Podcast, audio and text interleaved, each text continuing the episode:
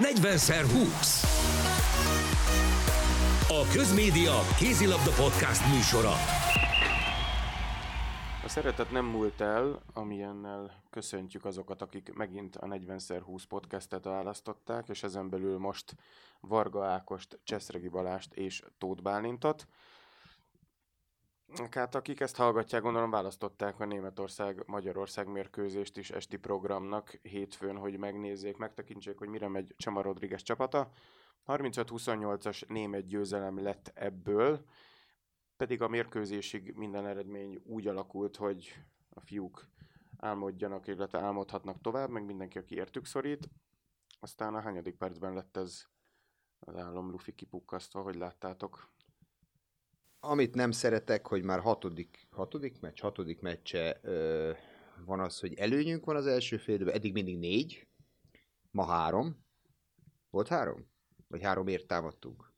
Volt szerintem, de... Szerintem is volt A horvátok ellen nem volt azért ekkora előnyünk, De volt négy. Volt de négy. leadtuk. És mindig leadjuk. És ebből az, azt akarom kihozni, mert az első fél időben, amikor egyébként jobban játszottunk, vagy jól játszottunk, többet kellett volna kihozni. Tehát amikor a két kapus az ellenfélnél egyet véd, azt sem a világklasszis, akkor, akkor abból többet kell kihozni, mint egy mínusz egy a végén.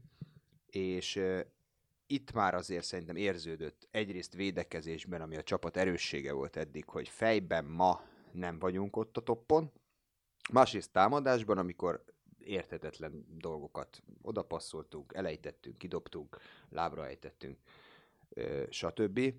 És, és még ennek a csúcsa volt ez a, nem tudom, 12 másodperccel a vége előtt félpályáról eleresztett lövés, amikor még lehetett volna egy támadásunk az X-ért az első fél időbe, és nem az lett. A, fél, a szünet, úgy szoktam mondani, a szünet két oldalán egy 0-4-et csináltunk, úgy, hogy talán kapura lövésünk se volt, csak a Váhidi Bencé a félpályáról, pont ez a 10 másodperces, és az összes többinél elrontottuk, elejtettük, és kaptunk belőle gólokat. Szerintem ez volt a kulcsa, és a, ugye a második fél elején ez folytatódott, és nem tudom, volt, hogy 5 percig kapura se lőttünk, mert nem jutottunk el addig, hogy lőjünk. Hát sőt, Ancsin Gabi lőtte talán az első két gólunkat is a második félidőben, úgyhogy valóban nem találtuk meg egészen egyszerűen a helyeket. Ha eljutott a Váhidi Bencéhez a labda, és be is fordult, akkor is kihozták 9-es. Hát nagyon okosan fújták, de nem erre akarom fogni de, fogni, de ez is egy tényező. Ugye én a legutóbbi podcastban azt mondtam, hogy valamelyik hogy én Wolftól nagyon félek, rettegek. Ehhez képest nem Wolf meg, vert meg minket, hanem gyakorlatilag megvertük saját magunkat. Én ettől függetlenül azért majd beszélnék a játékvezetésről, mert annak is vannak szerintem tanulságai. De valóban a második félidőben egész, bár ugye mi már szünetben beszéltük Ákossal, amikor levegőt vehettünk a közvetítések alatt, hogy nem fogunk tudni 36-35-re meccset nyerni, tehát a védekezéssel valamit kezdeni kell, de ha jól hallottam, neked is ezt mondta Csema a félidei interjúban, hogy egész egyszerűen muszáj valamit kezdeni, de hely, első félidőben Heyman és Köster, a második félidőben csatlakozott hozzájuk Norris, aztán megjátszották a beállósaikat, egész egyszerűen nem volt, és nem volt most kapus teljesítményünk se, de körülbelül ennyi az, amit a kapus teljesítményről, meg a kapusokról szeretnék mondani, mert egyébként az egész Európa bajnokságon le a kalappal előttük. Előfordul egy ilyen mérkőzés, mint hogy a németeknél is előfordult, mert ugyan a végén tíz védésnél kötött ki Wolf, de akkor az már akkor volt, amikor eldöntöttük, vagy eldöntötték a mérkőzést, és gyakorlatilag lából lövöldöztük Wolfot. Ennyi történt.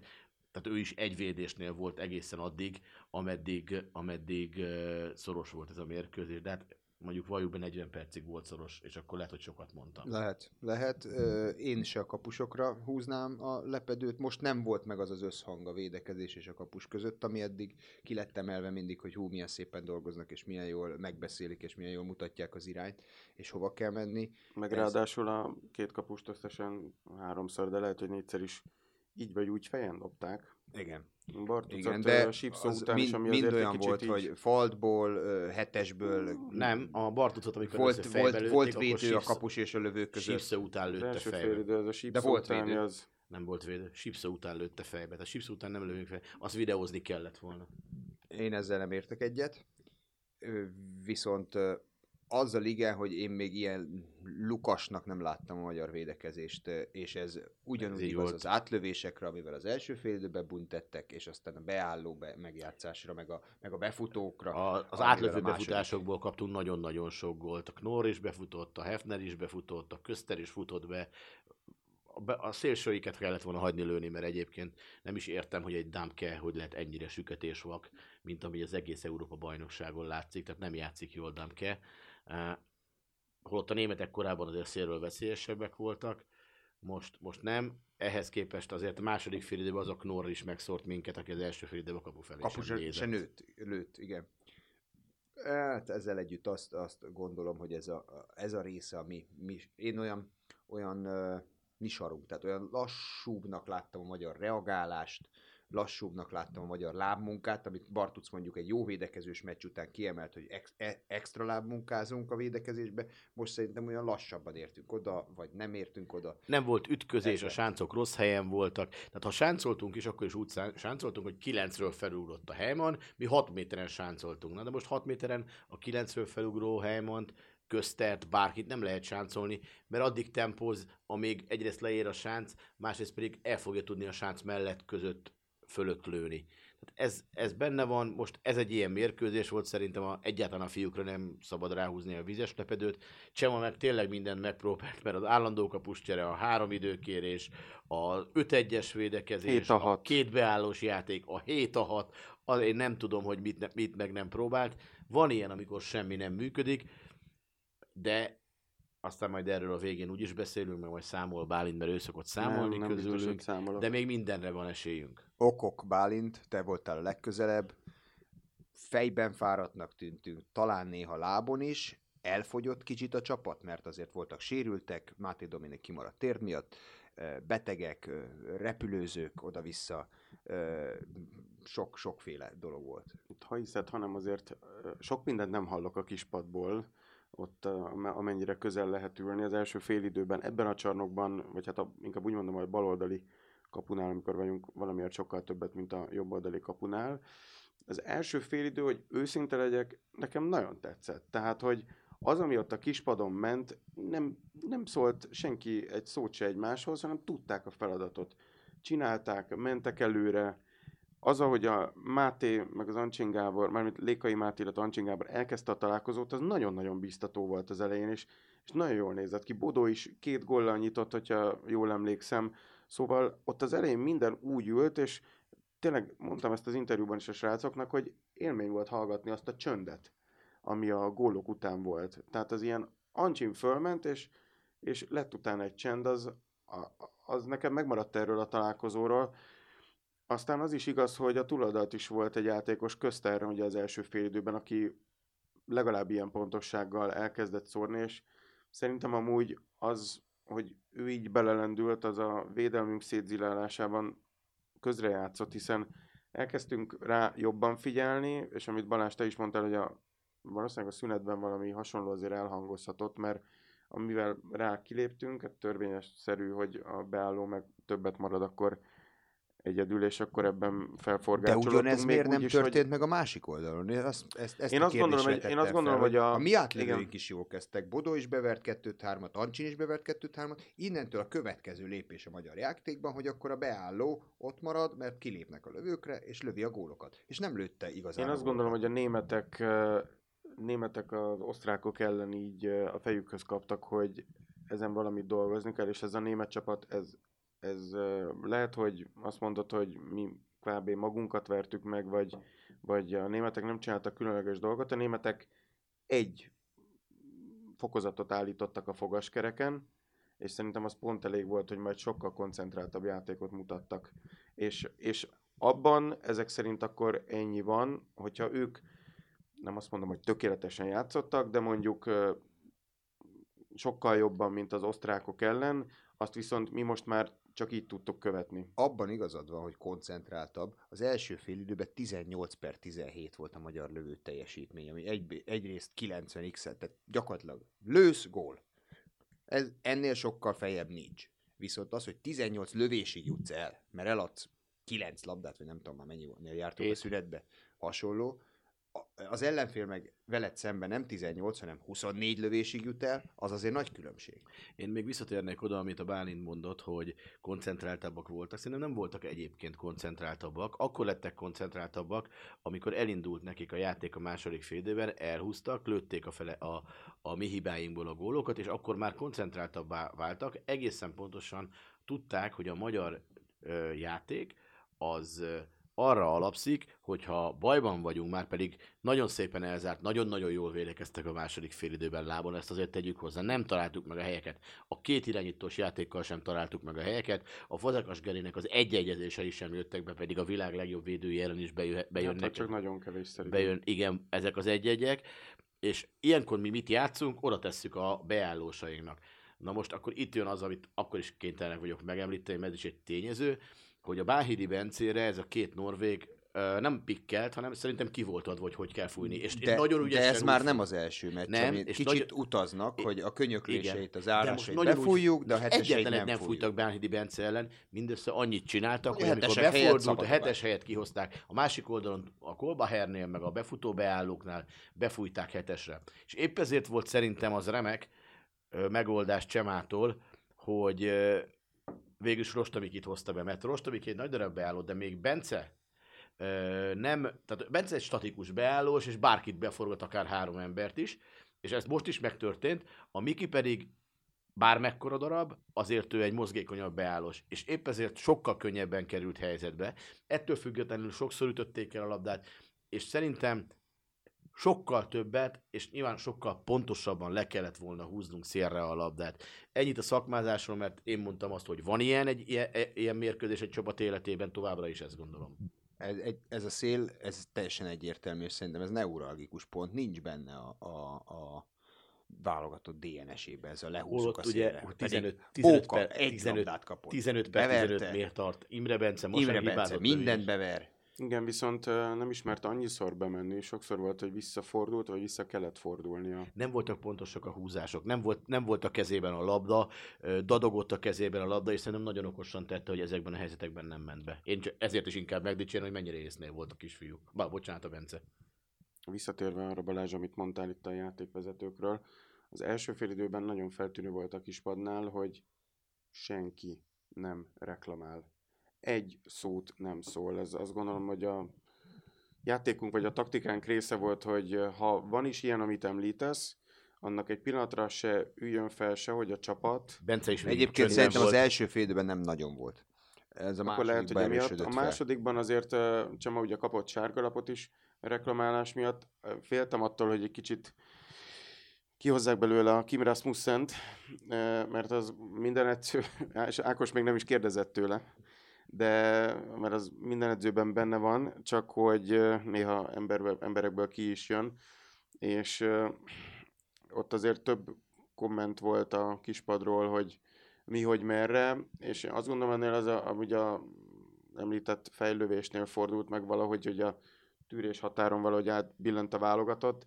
Nem hiszem, hogy ez szétzilálta amúgy a fejeket, de, de tény, hogyha valaki nem érzi azt, hogy az, amit csinál, az elég, vagy mondjuk nem látnak mm, egy belülvédekezést úgy, ahogy az ismétlés mutatja, Olyan is volt. akkor azért az fel tudja őrölni az energiát, és, és e- e- itt kezdett el szerintem igazán szétnyúlni a meccs, illetve az eredmény a két Ez- csapat között. Ez valószínűleg így van, de ettől függetlenül az, hogy a Csema sárga lapot kapott ezért, én azért még meg is dicsérem a Csemát, mert én azt gondolom, hogy egész egyszerűen, és ez Gislason is ezt csinálta, csak ugye otthon volt, és ezért nem kapott sárga lapot, és ő egész meccsen csinálta, egész egyszerűen ma már, és ez lehet, hogy csúnyán hangzik, a kézilabda játék része, hogy az edző az folyamatosan nyomást kell, hogy gyakoroljon a játékvezetőre, főleg ha érzi, ezek, már pedig Csema azért jól látja a játékot, irányítóként is tökéletesen látta, hogy pontosan látja ezeket a nagyon apró dolgokat, mert ha kívülről semleges néző nézi meccset, hát gyerekek, hát megnézem, a,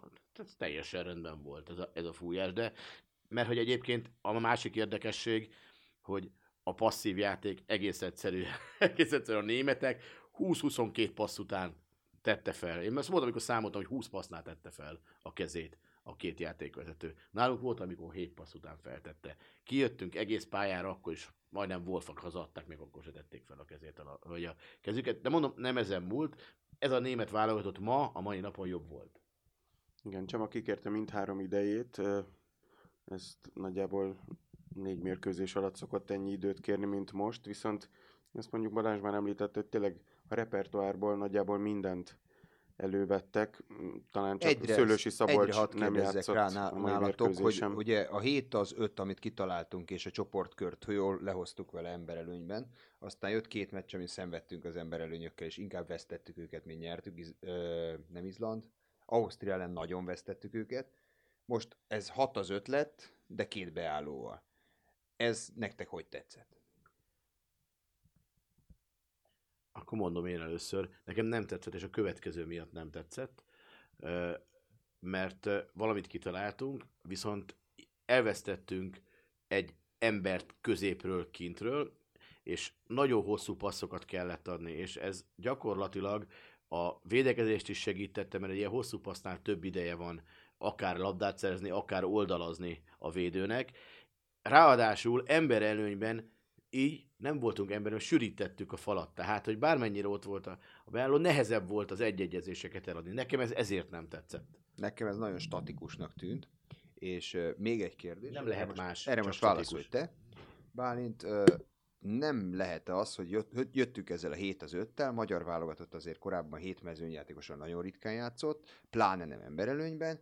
A csoportkörre Ez, ez egy volt. meglepetés volt. Onnantól megtalálták az ellenfelek, hogy ennek mi a gyenge pontja, lassú, ki a lassú, ki a statikus, hol fogható, és onnan fogják. De az előző kérdésedre is ezt a választ adtam volna, mert szerintem is ez van, hogy ami a csoportkörben meglepő volt, az most már egy videózós tananyag kb. azóta a magyar válogatottra készülőknek. Ami miatt nekem nem tetszett, vagy annyira nem érzem ezt úgy hasznosnak, hogy például a két kapusunk az néha nehezen veszi észre, hogy le kell jönnie, és azon nagyon sok másodperc elúszik.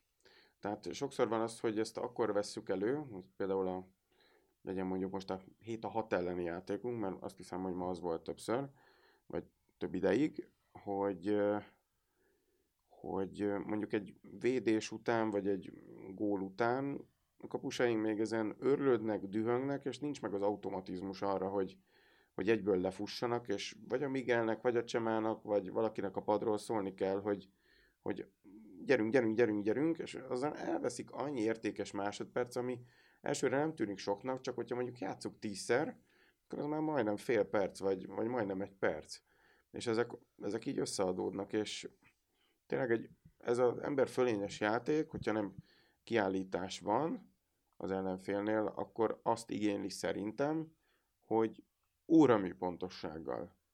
De tényleg azzal a spanyolos precizitással, amit Juan Carlos Plusz Pastórtól is hallunk, hogy, vagy hallottunk, hogy két centi ide, egy centi balra, hogy, hogy annyira tökéletesen, pontosan kell játszani, és addigra szerintem, amikor ezt elővettük, addigra már fejben nem voltunk ott a említett védekezés, meg hasonló elcsúszás miatt, de amúgy én ezek miatt se tudok haragudni ezekre a fiúkra. Nem, meg azt gondolom, hogy de legalább elkezdtünk valamit, és ez a precizitás majd minél több gyakorlással meg is fog érkezni, meg nyilván majd épülnek be majd még újabb emberek, még, még fiatalabbak, úgyhogy én is azt mondom, nem, hogy nem haragudni nem tudok, hát e- ezek a srácok minden dicséretet megérdemelnek az eddigi EB szereplésért, és azt azért tegyük hozzá, Bálint már kezébe vette a számológépet, Azt se tudod, mit nézek a telefonomon.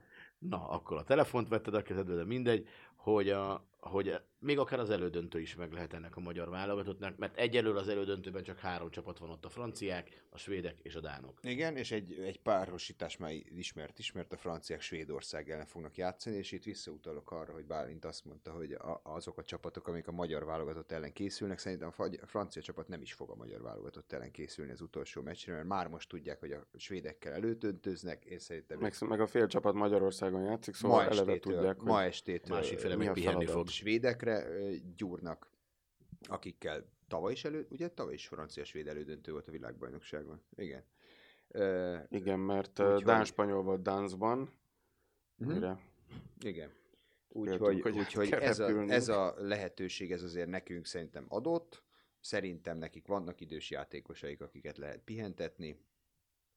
Ö, és, és ugye a matek alapján még fontosabb lesz az első meccs Izland és Ausztria között. Na, akkor Bálint. úgy áll a csoport, hogy első Franciaország 8 ponttal, már biztos elődöntős. Csoport első. Mit mondtam? Hogy elődöntős? És csoport. elődöntős és csoport első. csoport első. Így, így egyben egy kupac. Németország ezzel az ellenünk aratott győzelemmel 5 pontos és csoport második. A magyar válogatott hát jelen pillanatban harmadik, csak hát az osztrákok ugyanúgy négy ponttal állnak mi, és majd ha lefújnák, és úgy állna a csoport, akkor ugye fordulna a kocka. Izland ötödik, mert hogy 35-30-ra megvertem a Horvátországot a nap első mérkőzésén, és hogy a horvátok visszacsúsztak az egy pontjukkal a hatodik helyre, onnan igazából maximum Izlandot tudják megelőzni, és tudnak tízbe kerülni. Tehát ma kialakult az, még rögtön az Izland-Horvátország mérkőzés lefújásakor, hogy a magyar válogatott nem tud a csoport negyedik helyénél hátrébb végezni, tehát biztos, hogy legalább nyolcban végez az Európa-bajnokságon. Na de, az utolsó forduló párosításaim Izland-Ausztria, Magyarország, Franciaország és Németország, Horvátország.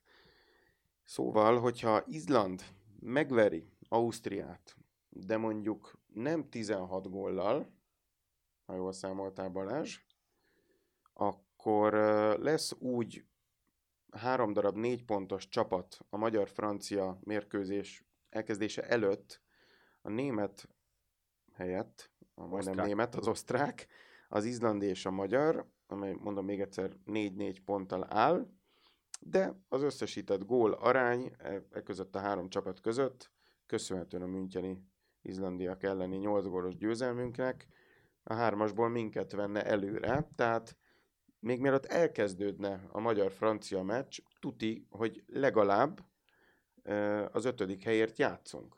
A izlandi győzelem esetén így van. Izlandi győzelem esetén. Hosszan mondtam, pedig nem ilyen bonyolult. És akkor utána ott van, hogy oké, okay, franciák, de ha ebből egy ilyen orbitális meglepetés győzelem esetleg még a válogatottból valahogy kisül, mert mint a miénkből, akkor ott vagyunk, hogy a vég- végén esetleg előznénk a németet, akinek megint ott van a kés a nyakán, és az láttuk, hogy az osztrákok ellen néha megkarcolja. A franciáknak mindig van olyan meccs a világbajnokságon, amikor megrántják a Ebben. vállukat, vagy, e, vagy egy, akkor világversenyen, hogy hát ez minket már nem érint, nem érdekel, és azt úgy hát kicsit lelazsálják. Ez nem, az, nem a svájciak elleni meccsük volt? Hát ö, abban azzal még rosszul is járhattak volna egyébként, de ez megint lehet nekik egy olyan meccsük, hiszen semmit nem tudnak. Már azt sem tudják megtenni, hogy kiválasszák, hogy kivel játszanak.